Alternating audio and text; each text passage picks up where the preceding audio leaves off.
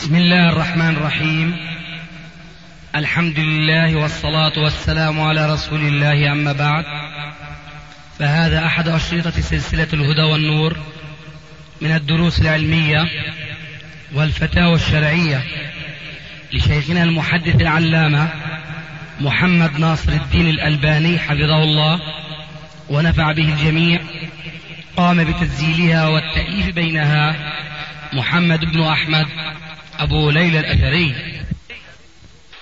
إخوة الإيمان والآن مع الشريط الثالث والثلاثين بعد المئة الخامسة على واحد.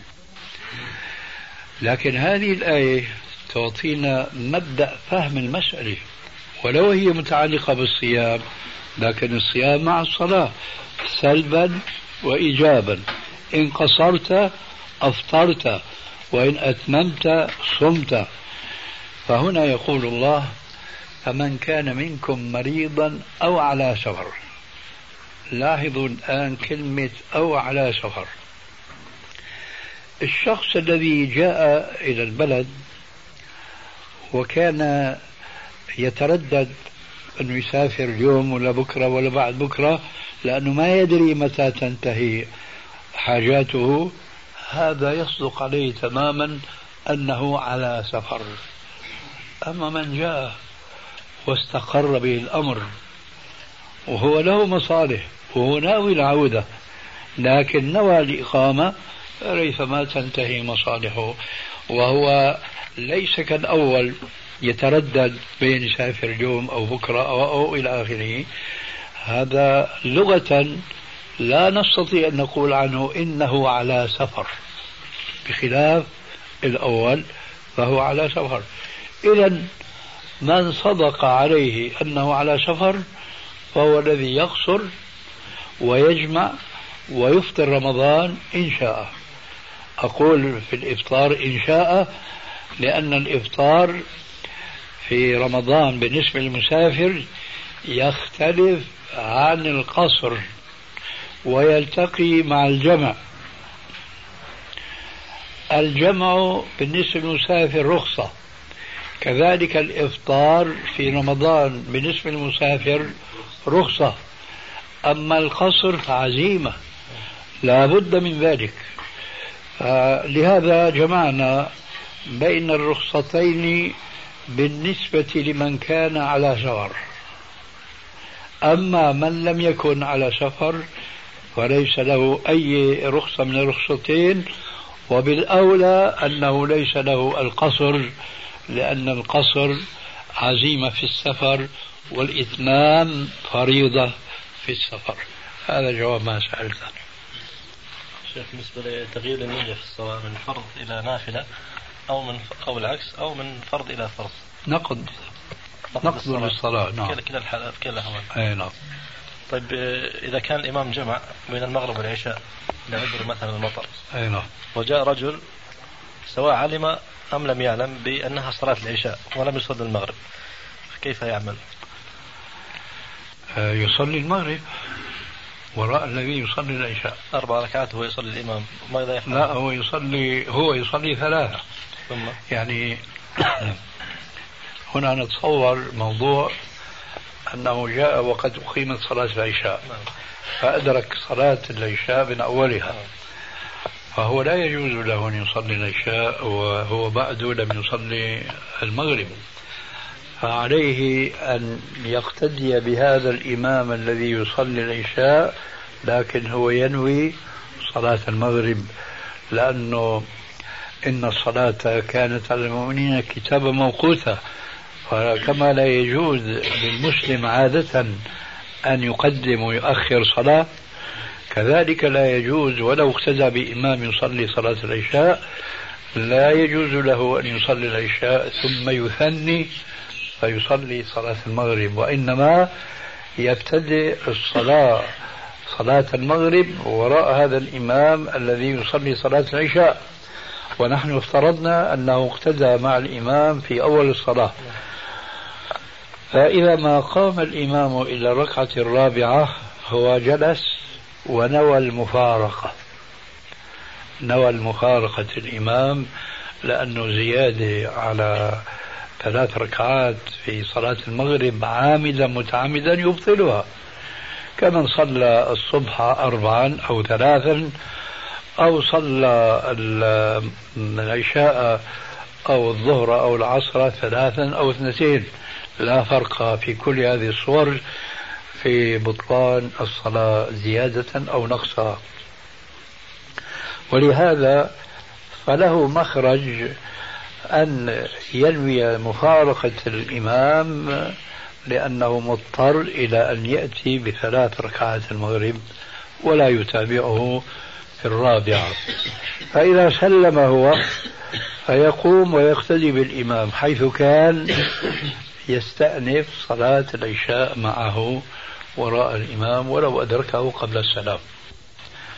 هذا الذي ما يقع في المخالفة الشيخ أنه سلم قبل الإمام؟ نية المفارقة هذه كيف؟ مضطر مضطر هذا للمخالفة هذه لابد منها. لأنه أي المخالفتين آه، صاحبها أحذر آه، ذاك الأنصاري الذي دخل آه، مقتديا وراء معاذ بن جبل رضي الله تعالى عنه وهو يصلي بقومه صلاة العشاء الآخرة. فلما افتتح آه، سورة آه، البقرة قطع الصلاة وانصرف يصلي وحده. أي الرجلين أعذر هذا أم الذي قلناه آنفا؟ لا شك أنه الأول أعذر لأنه يريد أن يصحح الصلاة. التي فرضها الله عليه ثلاثا وليس أربعا. وليس من العذر أن يعكس التوقيت الشرعي أن ينوي الصلاة وراء الإمام أربعا وبعد ذلك يصلي المغرب. ونحن نعلم أن بعضهم يقول ينوي النافلة وراء هذا الإمام يصلي أربع ركعات مع الإمام لكن ينويها نافلة. ثم بعد ذلك يستأنف الصلاة على الترتيب المعروف. يصلي ثلاث ركعات المغرب ثم أربع ركعات العشاء. لكن هنا يقع في مخالفة أخرى. وما أدري كيف لا يتنبأ لها من يفتي بهذه الفتوى الأخيرة. ألا وهي قوله عليه السلام إذا أقيمت الصلاة فلا صلاة إلا المكتوبة. فما بيجوز الإنسان أنه يصلي نافلة والناس يصلون فريضة. لا شك أن كل هذه الصور فيها مخالفة. لا تخلو من مخالفة. لكن الحقيقة كما يقال حنانيك بعض الشر أهوى من بعض وكما يقول الفقهاء إذا وقع المسلم بين شرين أو لنقل الآن بين مخالفتين ولا بد له من إحداهما فليختر أخفهما. وهذا من الفقه الذي ينبغي أن يعرفه طالب العلم. الظاهر شيخ أن الحالة الأخيرة هي أخف.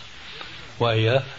أنه يصلي نية النافلة لأنه إلا المكتوبة يعني يصلي العشاء معهم. وفي الصورة الأولى ما صلى العشاء صلى بس ما صلى هو مكتوبة ولا في الأولى صلى المكتوبة. مكتوبة العشاء ثم هو ما ما ليش؟ أنا قلت لابد من مخالفة لكن الآن نحن نتناقش في أي المخالفتين أقل. هذا الذي صلى المغرب وراء من يصلي العشاء يصح فيه أنه صلى مكتوبة.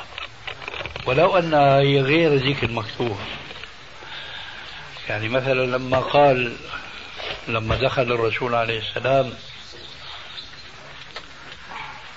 في صلاة الفجر ورأى رجلا يصلي سنة الفجر وقد أقيمت صلاة قال له آه الصبح أربعا آه الصبح أربعا لأنه زاد نافلة على الفريضة.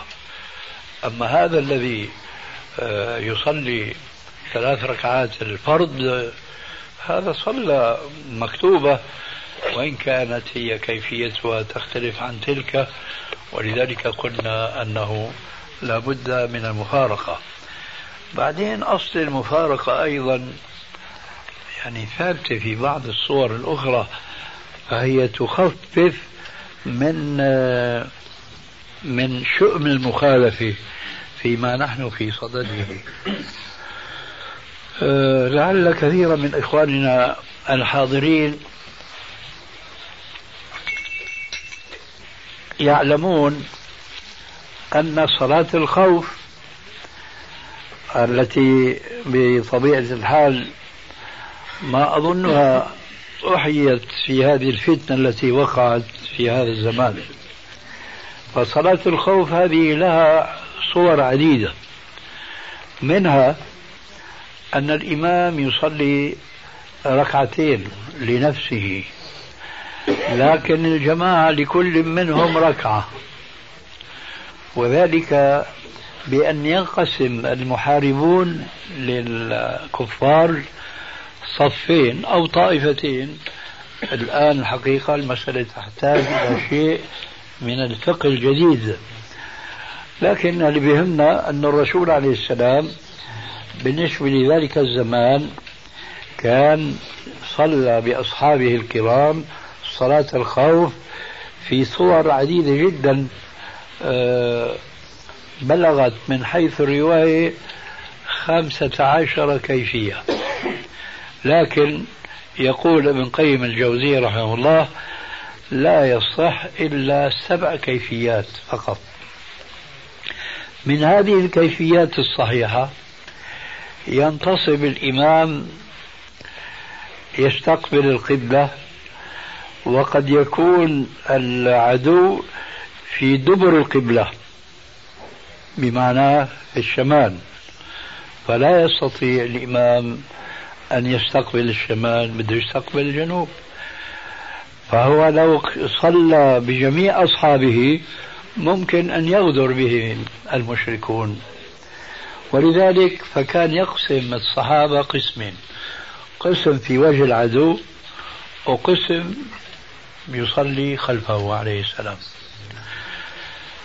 فيصلي الركعة الأولى فينوي الصف الذي خلف الرسول المفارقة يجلسون وبتشهدوا وبيسلموا ويذهبون ويأخذون مصاف الجماعة التي كانت تجاه العدو.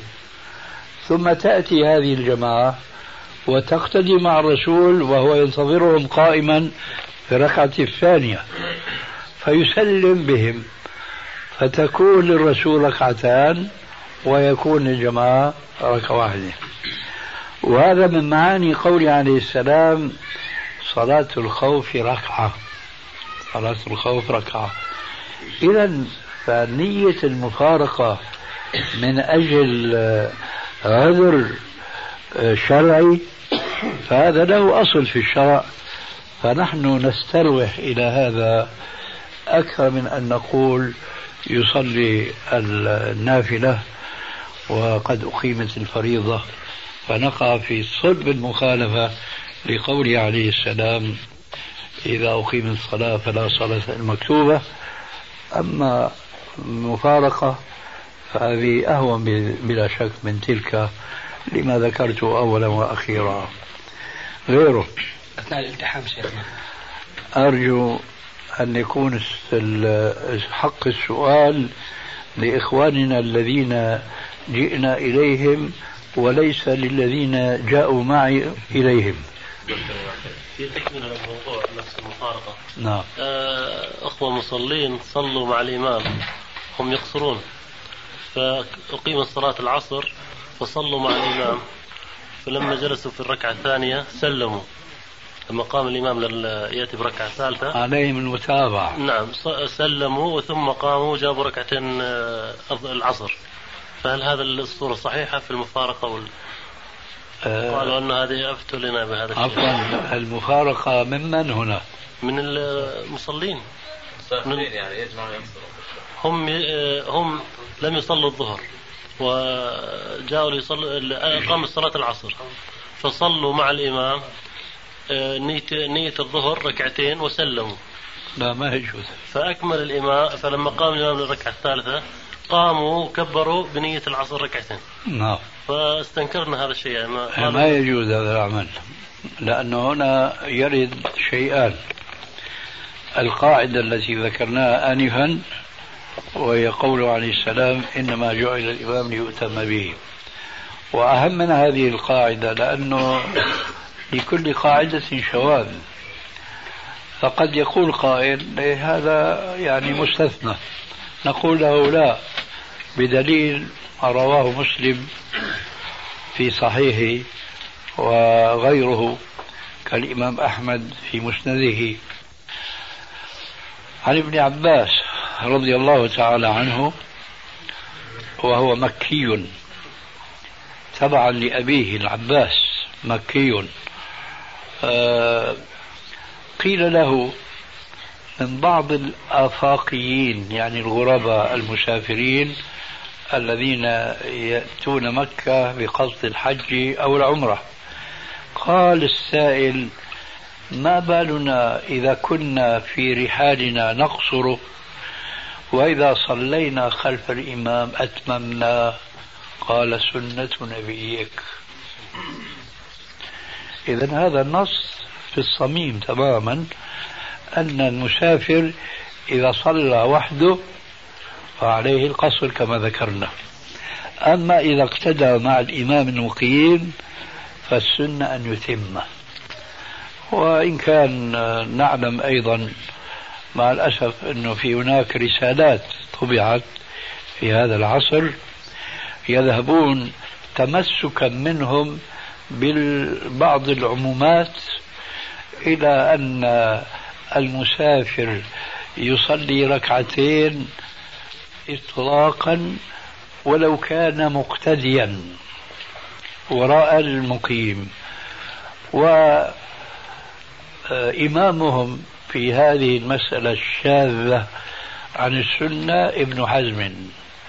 فإنه هو الذي رفع راية القصر ولو كان مقتديا بمقيم. لكن هذا الحديث الصحيح الصريح في سنن عفوا في صحيح مسلم ومسند أحمد وغيرهما من كتب السنة تقضي أو ينبغي أن يقضي على الخلاف المذكور. بالنسبة لمريض السكري معلوم أنه يصاب مرض السكري فهذا ملازم معه. فما هو الأفضل؟ لا يستطيع طبعا هناك أيام لا يستطيع أن يكمل فيها الصوم. ومش يكون شاق الصوم عليه. فالأفضل لهذا المريض اللي هو مريض السكري بالنسبة لرمضان يدفع بدل بدل الصيام نعم. يدفع الفدية. الكفارة. وهو إطعام مسكين. وعليكم السلام ورحمة الله وبركاته. لأنه هذا ملحق بالشيخ العجوز الذي من سنة الله عز وجل أن لا يعود إليه شبابه وقوته. فكل مرض آه، كل مريض آه، مرضه ميؤوس من شفائه فهذا هو حكمه. ألا يصوم وأن يكفر عن كل يوم إطعام مسكين. غيره. في سؤال عن الصلاة سألت عن الرخصة عن سماع الأذان. هذا مسلم وهذا مسلم فكثير يعني يؤذن المؤذن نعرف حال وقت الصلاة. وبإتمام جمع الإخوة يكون ما أذنا داخل البيت. ونقيم إقامة فقط نقيم ونصلي. هل يعني فيها مخالفة للسنة؟ يعني تصلون هنا على أذان المسجد. نعم. بحيث الوقت معروف الوقت ويعني نشعر بالوقت. طول الساعة آه أنت خربت الآن السؤال. يعني, يعني, يعني أنا قلت نرى, نرى المأذنة من بعيد نراها الآن حال وقت الأذان. نعم. إذا ما تسمعون الأذان. لا لا نسمع. قليل. يعني لا نسمع قليل حسب الهواء. إيه، لأنه لأنه في فرق بين تسمعوا الأذان بالنسبة لبعض الأقوال نعم. وبين ما تسمعون الأذان. في فرق. أقول مكررا بالنسبة لبعض الأقوال أما بالنسبة لما ستسمعوا مني فلا فرق. لكن أنا من منهجي في العلم والفقه أنني لا أهدر أقوال العلماء ما استطعت إلى ذلك سبيلا. لقد روي عن بعض السلف أنه سئل عن الصلاة بدون أذان. فقال حي أذان الحي يكفينا. فلو أردت أن أترخص لكم بناء على ما سمعت منك في أول كلامك كنت بقول أذان الحي يكفيكم. لكن بعدين تبين حتى أذان حي ما في. ولذلك اختلفت المسألة. أما أنا فأقول لو كنتم تسمعون الأذان ولأمر ما صليتم في بيتكم فلا بد لكم من أذان خاص بصلاتكم. وقول القائل أذان الحي يكفينا ليس حديثا مرفوعا إلى النبي صلى الله عليه وسلم أولا. وثانيا عندنا حديث عن الرسول عليه السلام يأمر كل مصل أن يؤذن وأن يقيم حتى لو صلى منفردا. فما بالكم إذا صلوا جماعة جماعة؟ ذلك الحديث في بعض طرق الحديث المشهور عند العلماء بحديث المسيء صلاته. وأظنكم جميعا تعرفون حديث المسيء صلاته. الذي رواه البخاري ومسلم من حديث أبي هريرة أن رجلا دخل المسجد ورسول الله صلى الله عليه وسلم منتحل في ناحية منه فصلى. ثم جاء إلى النبي صلى الله عليه وسلم فقال السلام عليك يا رسول الله. قال وعليك السلام. ارجع فصلي فإنك لم تصلي.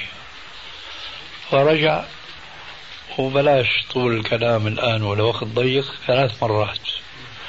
يصلي يرجع عند الرسول السلام عليك يا رسول الله. وعليك السلام. ارجع فصلي فإنك لم تصلي. عرف الرجل في المرة الثالثة أنه لا يحسن الصلاة فاعترف قائلا والله يا رسول الله لا أحسن غيرها فعلمني. فقال عليه الصلاة والسلام إذا قمت إلى الصلاة فتوضأ كما أمرك الله ثم استقبل القبلة ثم كبر ثم اقرأ ما تيسر من القرآن ثم اركع حتى تطمئن راكعا ثم ارفع حتى تطمئن قائما إلى آخره. قال فإذا أنت فعلت ذلك فقد تمت صلاتك. وإن أنت أنقصت من ذلك فقد أنقصت من صلاتك. هذا الحديث في الصحيحين. لكن جاء من طريق صحابي آخر وطريق أخرى في سنن أبي داود. قال له إذا قمت إلى الصلاة فاستقبل القبلة وأذن وأقم ثم كبر. أذن وأقم ثم كبر إلى آخره. فإذا أمر المسيء صلاته بالأذان والإقامة وهو يصلي وحده في المسجد. فدلنا هذا الحديث على أن الأذان والإقامة لا ينبغي أن يخل به أي مصل حتى النساء وبخاصة في صلاة النساء جماعة. وقد جاء في حديث صحيح فضيلة عظيمة جدا لمن يكون في فلاة من الأرض. فحضرته الصلاة فأذن وأقام. قال عليه السلام إلا صلى خلفه من خلق الله ما لا يرى طرفاه. لماذا؟ لأنه أعلن الصلاة. الله أكبر الله أكبر. ثم أتبعها بالإعلان الثاني اللي هو دونه وهو الإقامة. ثم صلى ولو لوحده.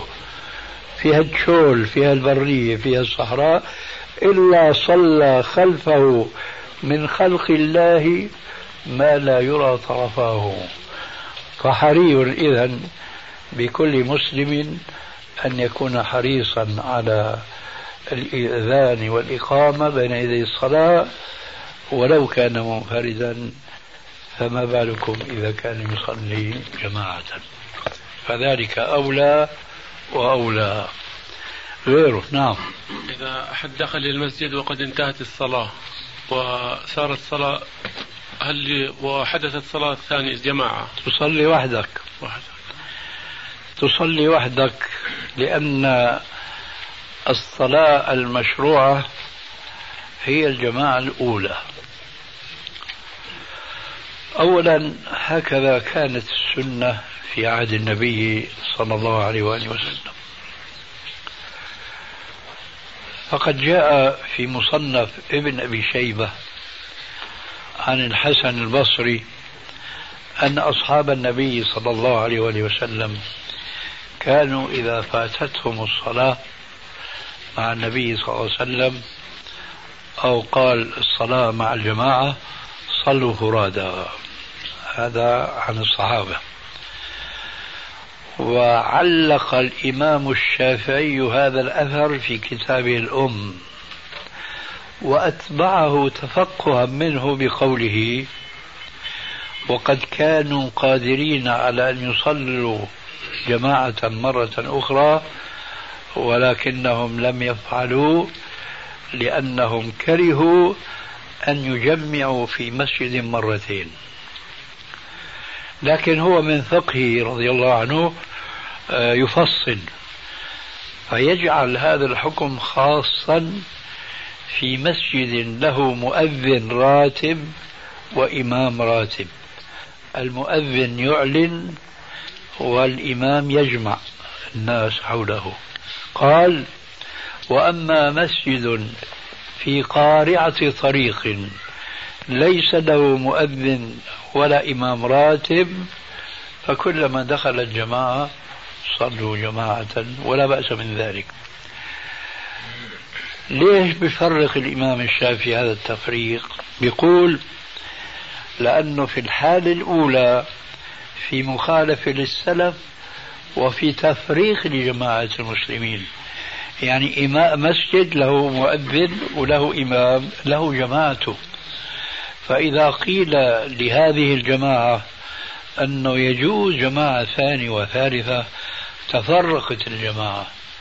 فبدل ما يكون المسجد ممتلئ كله أو جله أو نصفه بتلاقي صف أو نصف صف أو أقل أو أكثر. لماذا؟ لأنهم يتأخرون ويفرقون الجماعة الأولى إلى جماعات متعددة.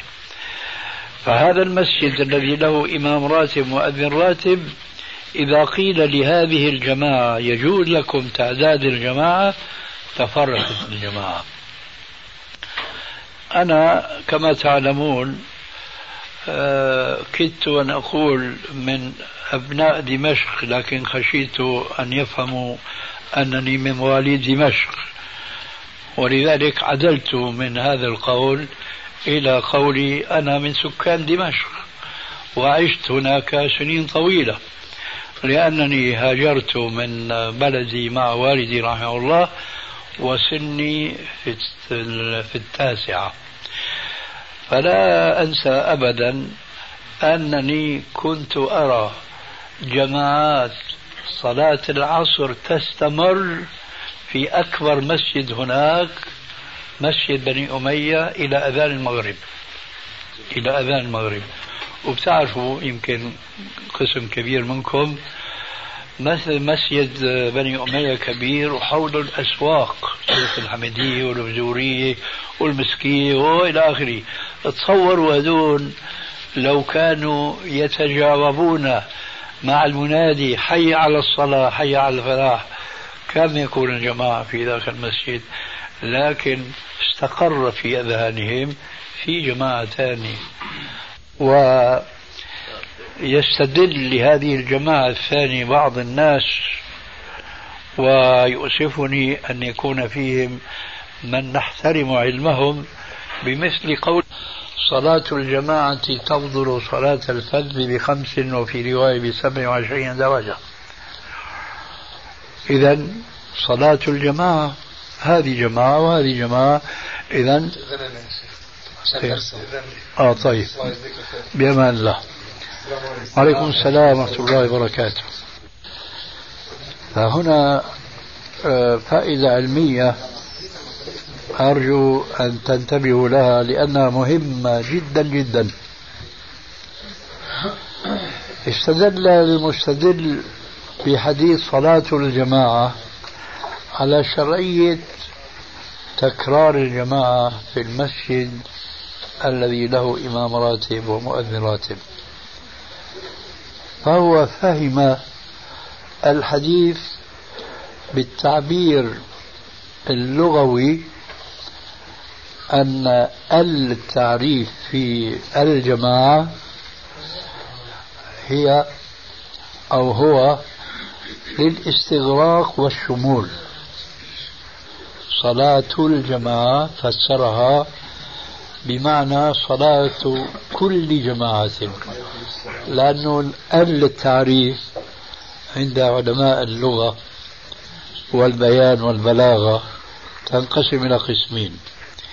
إما للعموم والشمول وإما للعاد اللي في الذهن. الفرق بين أل وأل هذه شاسع جدا. إذا فهمت أن أل في الجماعة للعموم والشمول صح الاستدلال بالحديث على أن كل جماعة تقام في أي مسجد فهي جماعة مشروعة وثوابها سبع وعشرون درجة. أما إذا فهمت على العهد فيبطل هذا التعميم ويختص بجماعة معينة. فما هو الصحيح؟ وكيف يمكن تمييز هذا من هذا؟ صلاة الجماعة إذا قلنا الاستغراق والشمول صح الاستدلال على شرعية كل جماعة بعد الفريضة التي صليت مع الجماعة الأولى. أما إذا فسرت ال بأنها للعهد وليست للاستغراق والشمول تنحصر بجماعة واحدة. ما هي الجماعة الواحدة؟ هي المعروفة شرعا والمستقرة في الذهن. كلكم يتصور معي ما سأذكره الآن الآن وهو أن الرسول عليه السلام خاطب أصحابه. بهذا الحديث. فإذا كان أصحابه لا يعهدون منه في مسجده إلا جماعة وحده. فحينما يسمعون قوله عليه السلام صلاة الجماعة أن جماعة بيستقر في ذهنهم مقصود بهذه الفضيلة؟ الجماعات التي لم تخلق بعد؟ لا هذا ما يخطر في البال. ما يخطر في البال إطلاقا. وإنما الجماعة المعهودة. ولذلك يقال هذه ال هي للعهد وليست للعهد للاستغراق وللشمول وعلى العكس من ذلك إذا افترضنا أنه كانت تقام جماعات عديدة في مسجده عليه السلام تارة هو يؤم الناس تارة يؤمهم أبو بكر في نفس صلاة واحدة الظهر العصر المغرب العشاء إلى آخره. فقال عليه السلام حينما قال صلاة الجماعة لوين بيروح فهمهم؟ لها الجماعات المتعددة فإذا علمتم أنه لم يكن في عهد النبي صلى الله عليه وسلم. إلا جماعة واحدة إذا انحصرت ال هنا أنها للعهد وليست للاستغراق وللشمول. من هنا نحن نأتي إلى القاعدة الفقهية الهامة وهي أنه يجب تفسير أحاديث الرسول عليه السلام بعضها ببعض. والحديث القولي يفسر بالحديث العملي.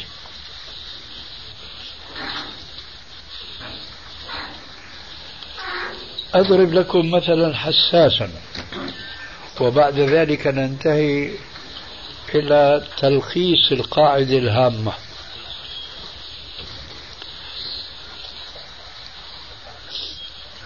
صلاة الجماعة تفضل صلاة الفرد بسبع وعشرين درجة.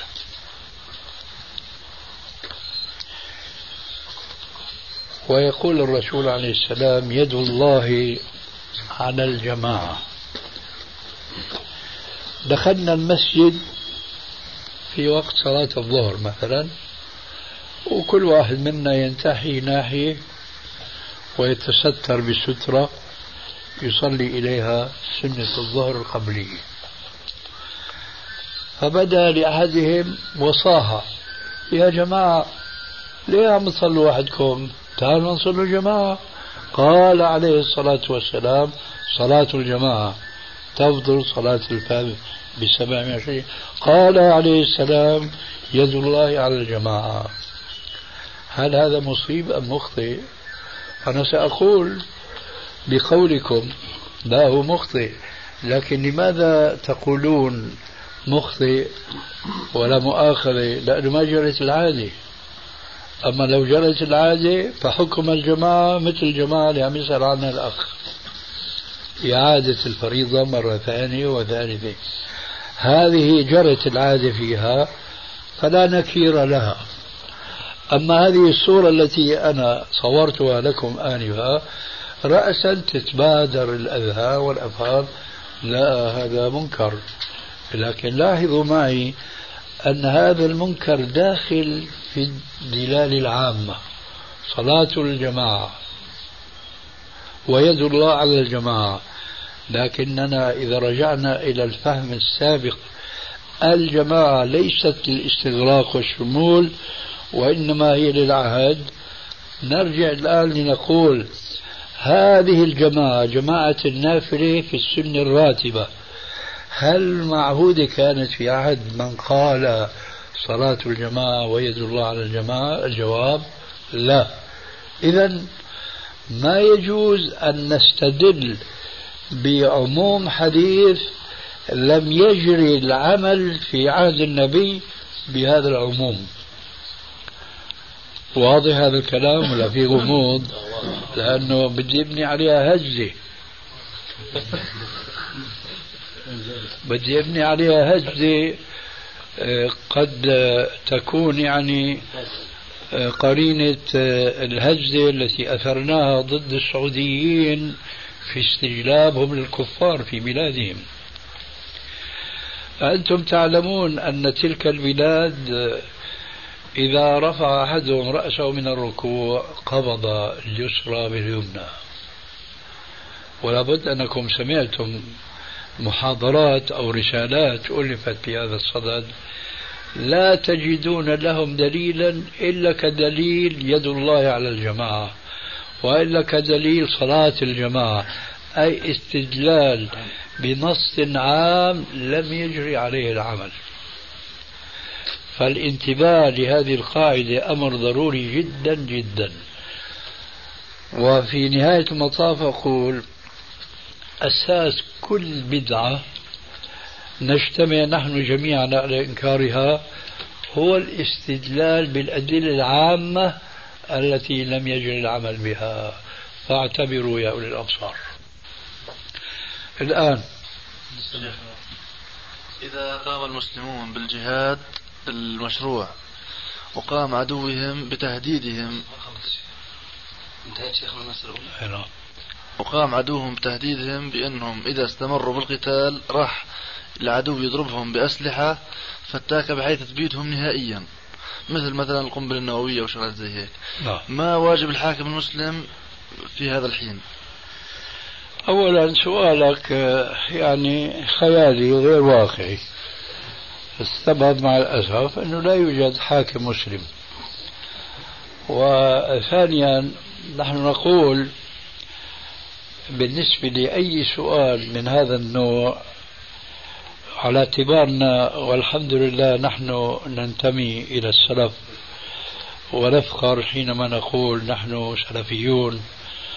ومن منهج السلف أن العالم منهم كان إذا جاءه سؤال ويمكن وقوعه يبادر لتوجيه السؤال إلى السائل.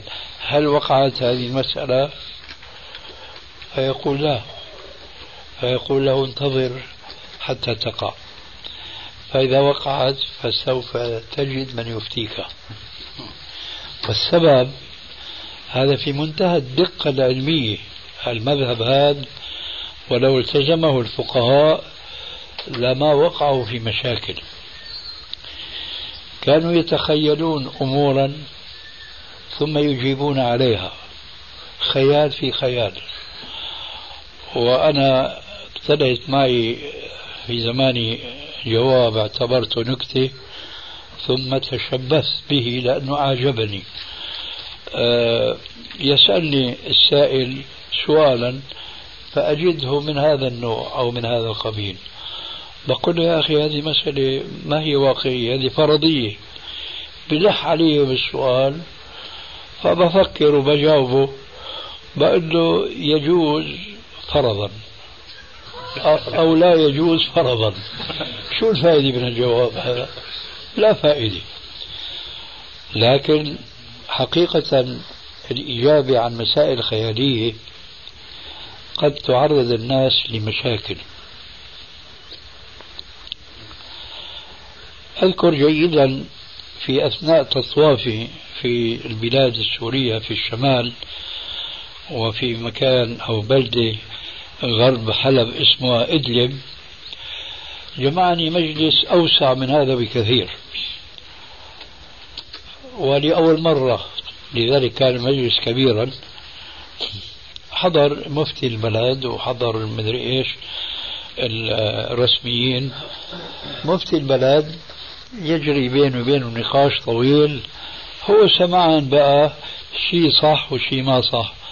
إنه الألباني مثلا مجتهد وبيطعن في الأئمة ومن هالكلام اللي بتسمعه دائما ابدا المهم دخل معي في هذا الموضوع. وما بهمني أنا إلا النقطة اللي لها علاقة بمثل سؤالك. قال لي أنه أنت تدعي الاجتهاد قلت لا أنا متبع. ولست بالمجتهد ولا بالمقلد إنما أنا متبع. بعد بيان الفرق بين الاجتهاد وبين الاتباع وبين التقليد قلت له إله وهو مفتي قلت له بعد ما أصر وأظهر موقفه أنه لا ما في اجتهاد قلت له فماذا تفعل يا شيخ؟ فيما إذا جاءك سؤال ولا تجد جوابه في بطون الكتب التي أنت تقلدها. وأنا أعرف أن نظام المذهب التقليدي يقال لهم لا يجوز الإفتاء إلا بما في بطون الكتب ولا بيكون اجتهاد. والاجتهاد أغلق بابه من القرن الرابع. هكذا نص مع الأسف.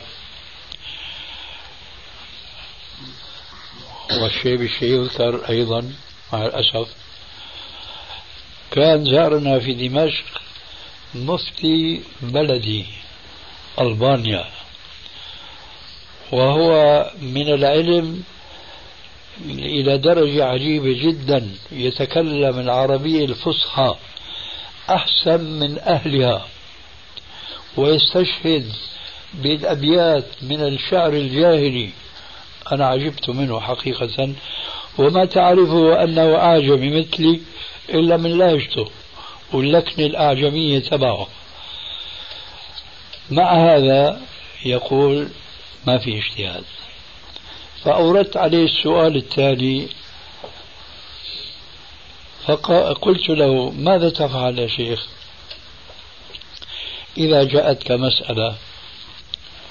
قال ما من شيء ما من شيء وقع وسيقع إلا وجواب موجود في بطون الكتب. شوفوا الدعوة هي خطيرة جدا. ما من حادثة تحتاج إلى حكم شرعي وقعت أو ستقع إلا وموجود الجواب في كتب الفقه. قلت له يا أستاذ معنى كلامك أنه لو فرضنا فرضية لو فرضنا أن القرآن ضاع والسنة ضاعت ما نخسر شيء. قال فعلا. شوفوا بقى. قال فعلا. لأنه كل شيء نحتاجه موجود في كتب الفقه. هنا الشاهد. قلت له فإذا ما هذه المنة العظيمة التي امتن الله بها على عباده حينما قال لهم إنا نحن نزلنا الذكر وإنا له لحافظون. شو هالمنة هي ما دام أنت عم تقول أنه لو ضاع القرآن ما بيضيع شيء من الإسلام. فبهت الرجل ورطن إلي باللغة الألبانية ما ترجمته. مين الشيطان هاد هل لي أوحى لك بهذا المعنى حتى رميتني على أم رأسي؟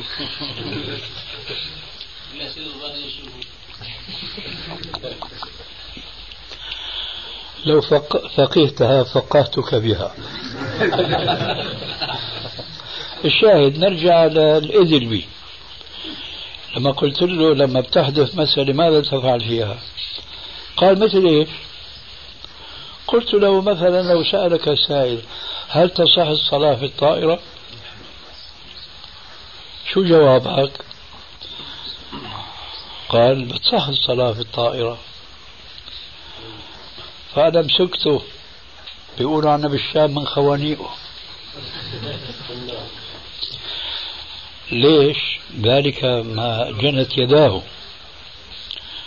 قلت له أنت الآن وقعت فيما له أنكرت علي. هذه واحدة. ثانيا خالفت مذهبك. بهت الإنسان. قال لي كيف؟ قلت له أنت اجتهدت. شو دليلك أنه الصلاة في الطائرة صحيحة؟ وهذه مسألة حادثة. ولا جواب عليها في بطون الكتب اللي هو بيفتي منها. لأنه كتب التقليد شو بتقول؟ يجب على المفتي أن لا يفتي من رأيه واجتهاده وإنما من الكتاب. وهذه المسألة لا نص فيها. فعلى إيش اعتمدت؟ قال على القياس. قلت في نفسي مرحى ما هو؟ قال ذكروا بأن الصلاة في السفينة جائزة. فأنا قست الصلاة في الطائرة على الصلاة في السفينة. آه قلت له أنت إذا صرت مجتهد أكبر لأنه أدلة الشريعة أربعة الكتاب والسنة والإجماع والقياس وأدقها القياس. فإذا أنت تحسن القياس معناها صرت مجتهد. فما لك تنكر على غيرك الاجتهاد. إذا أنت مجتهد هذه واحدة. وليتك حين اجتهدت وأصبت وافقت مذهبك فكيف وأنت قد خالفت المذهب؟ هو الشاهد الآن. قال كيف؟ قلت قال الرافعي في شرحه الكبير على الوجيز للإمام الغزالي اسمعوا بقى الخيال. لو أن رجلا صلى في أرجوحة ليست معلقة بالسقف ولا مدعمة من الأرض فصلاته باطلة. صلاته باطلة. شايف؟ قلت له هي الطيارة بذاتها. وخاص وخاصة الهليكوبتر. متوقف. لا هي معلقة ولا هي مدعمة. كيف بتقول الصلاة صحيحة؟ وهذا خلاف ما نص عليه الفقهاء. قال أنا ما شفت هذا النص. قلت له فوق كل ذي علم عليم ارجع إلى كتاب شرح الوجيز للرافعي تجد هذه العبارة بالنص. فبهت الرجل. الشاهد نحن ما نريد أن نبحث في الخيال وفي الفرضيات وينبغي وأنصح طلاب العلم أن يجتهدوا بمعالجة الواقع. وهذا الواقع يكفينا وبيزيد علينا يكفينا وبيزيد علينا. أما نفترض أنه هيك وهيك أقول أخي لكل حادث حديث يوم يوجد هذا الإمام المسلم هذه مسألة آه، تربطني بمسألة أخرى تقع اليوم وسئلت عنها مرارا وهو الذي يسمى ب آه، شو بسموها تبع التفجير نفسه؟ ها؟ العمليات الانتحارية هذه. هل يجوز هذا؟ هذا واقع ولا بد لي من جواب عليه. أقول هذا يجوز ولا يجوز. ما يقع اليوم لا يجوز لأنها تصرفات فردية. ومنطلقة من عواطف جامحة لا يقيدها شرع ولا عقل. ولا فرق بين هذا المسلم ينتحر وذاك الشيوعي أو الياباني كما وقع يوم وقعت المعركة بينهم وبين الأمريكان فهذا وهذا سواء لأنه هذا لا ينطلق عن دينه وعن فتوى من أهل العلم. فلا يجوز. أما لو كان هناك حاكم مسلم وبالتالي قائد الجيش مسلم وفقيه فيدرس الناحية العسكرية وساحة المعركة وإلى آخره يقدر المرابح والخسائر بيعمل آه شو بيقولوا معادلة بين الربح وبين الخسارة. ثم يجد أن الربح في هذه العملية الانتحارية تفوق خسارة هذا الشاب المسلم. فحينئذ نقول يجوز لأنه مثل هذا وقع في بعض المعارك الإسلامية الأولى. مثل فتح دمشق مثلا الشام بلاد الشام ونحو ذلك. وقعت بعض عمليات انتحارية. كان الجندي يستأذن قائده ويقول بأنه يريد أن يموت شهيدا ويهجم على الكردوس. هذا يعني جماعة الروم وأمثالهم. ويظل يقتلهم حتى يقتلوه. فيسمح له القائد. وفعلا يكون نهايته أنه يستشهد في سبيل الله تعالى. فإذا آه، فلنتفقه في معرفة الأحكام لما يقع ونؤجل البحث في أمور لم تقع. غيره. هذا قريب منه ذهاب بعض الشباب من الأردن لعمليات فدائية مثلا. نعم. هو كذلك. آه شيخنا في أحد الأخوة جاء من أربد قبل قليل يبلغك السلام ويسأل بالنسبة لحديث الجارية آه اللي سألها الرسول صلى الله عليه وسلم أين الله؟ فيقول هذا الحديث هل نعم. ذكر أحد من أهل العلم يعني ضعف هذا الحديث أو شيء؟ مع أنه موجود طبعا في صحيح مسلم. نعم. هل في أحد من أهل العلم ضعف هذا الحديث على مر العصور؟ آه لا يوجد مطلقا. من طعن في هذا الحديث إلا بعض جهمية العصر الحاضر. بس. وعلى رأسهم الشيخ زاهد الكوثري. والحقيقة أقول هذا الإنسان لولا أنه ابتلي بالعصبية المذهبية الحنفية في الفروع والماتريدية في العقيدة لكان علامة زمانه في علم الحديث وفي معرفته بتراجم الرجال ومعرفته بالكتب المخطوطة بحكم كونه كان في اسطنبول واسطنبول فيها آثار علماء المسلمين على مر الدهور والعصور. مجموعة هناك فكان متفرغا ولذلك فهو يتحدث عن كتب وعن روايات موجودة في بطون هذه الكتب. أستطيع أن أقول لا يعرفها أحد في زمانه إلا هو. لكن مع الأسف لم ينفعه علم هذا لغلبة العصبية المذهبية والفكرية عليه. هو الذي آه، حاول آه، غمط حق هذا الحديث الصحيح بطريقة اللف والدوران ومحاولة إيجاد علل أو علة على الأقل في هذا الحديث ولكنه لم يستطع أن يفعل ذلك علميا إلا أنه أوهم طبعا من يلوذ به ومن يدور في فلكه أن هذا الحديث فيه طعن ولو رواه الإمام مسلم في صحيحه والحقيقة أنه لا مطعن فيه. ولعلكم تعلمون أننا بفضل الله عز وجل ورحمته مع أنني أرجو أن يحشرني ربي في زمرة آل الحديث فأنا لا أتعصب لا لبخاري ولا لمسلم ولبعض كتابات آه، أرد بعض الأحاديث الموجودة فيهما. فلو وجدت في هذا الحديث ما ادعاه الرجل لكنت أول من آه، أشاع بهذا الضعف لأنه لا يجوز التقول على رسول الله صلى الله عليه وسلم خاصة في مسألة تتعلق بالعقيدة. ولكن آه، مع ذلك هذا الطاعن في هذا الحديث يوهمه شيطانه أنه لو استطاع أن يثبت ضعفه يوهمه شيطانه أنه هدم العقيدة السلفية التي تقول بأن الله عز وجل من صفاته العلو على جميع خلقه. لا يستفيد شيئا.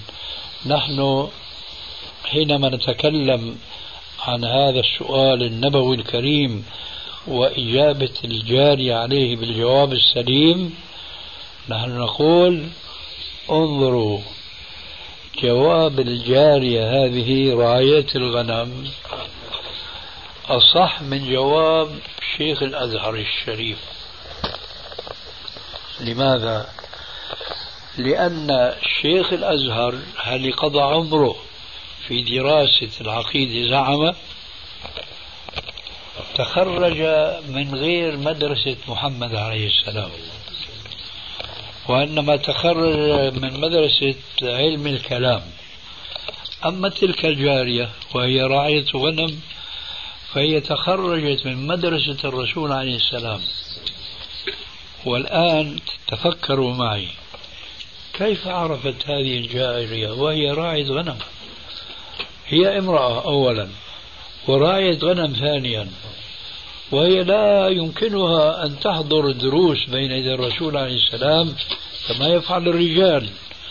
وهل تتصورون أن أكثر أصحاب الرسول كانوا يحضرون دروسه أم أقلهم؟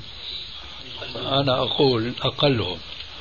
ولذلك الإمام ابن القيم رحمه الله يقول لا يوجد في الألوف المؤلفة من الصحابة من كان يفتي إلا نحو 200 200 من الصحابة علماء والبقية بقى داخلون في قول الذي يروى عن معاذ كن عالما أو متعلما أو مستمعا. فأني واحد من ثلاثة. لكن ما كانوا الرابعة. ولا تكن الرابعة فتهلك إذا كان الرجال هكذا فماذا نقول عن النساء؟ أقل وأقل بكثير. هنا يأتي السؤال. كيف عرفت عرفت هذه الجارية هذه الراعية للغنم كيف عرفت الجواب الصحيح؟ لهذا السؤال النبوي أين الله؟ قالت في السماء. وتسأل اليوم العلماء والدكاترة بيقولوا لك الله موجود في كل وجود. يمكن أصل السؤال. نعم. يمكن, يمكن أصل السؤال. أحسنت. بيحملقوا بأعينهم يقولوا لك شو هذا السؤال؟ هذا السؤال ما بيجوز. أعوذ بالله. يا رجل أنت ما تدري؟ تنكر على الرسول عليه السلام. هو الذي سن لنا هذا السؤال ما يدرون؟ لأنهم لا يتفقهون في الدين. الشاهد كيف عرفت هذه الجارية الجواب الصحيح؟ لأنها تخرجت من مدرسة الرسول. هل كانت مدرسة الرسول هنا النكتة؟ مدرسة الرسول كانت محصورة في مسجده حيث لا يحضره إلا أقل رجال لا كانت منتشرة. كيف ذلك؟ الذين يحضرون يبلغون ما وراءهم يبلغون نساءهم بناتهم وإلى آخره. فينتشر الفقه المحمدي في المجتمع المحمدي ويصل هذا الفقه إلى من؟ إلى هذه الراعية. من علمها؟ سيدها لأنه مسؤول عنها. كلكم راع. وكلكم مسؤول عن رعيته. فإذا يجب علينا نحن أن نهتم بتبليغ العلم. كما جاء في الأحاديث الصحيحة فليبلغ الشاهد الغائب.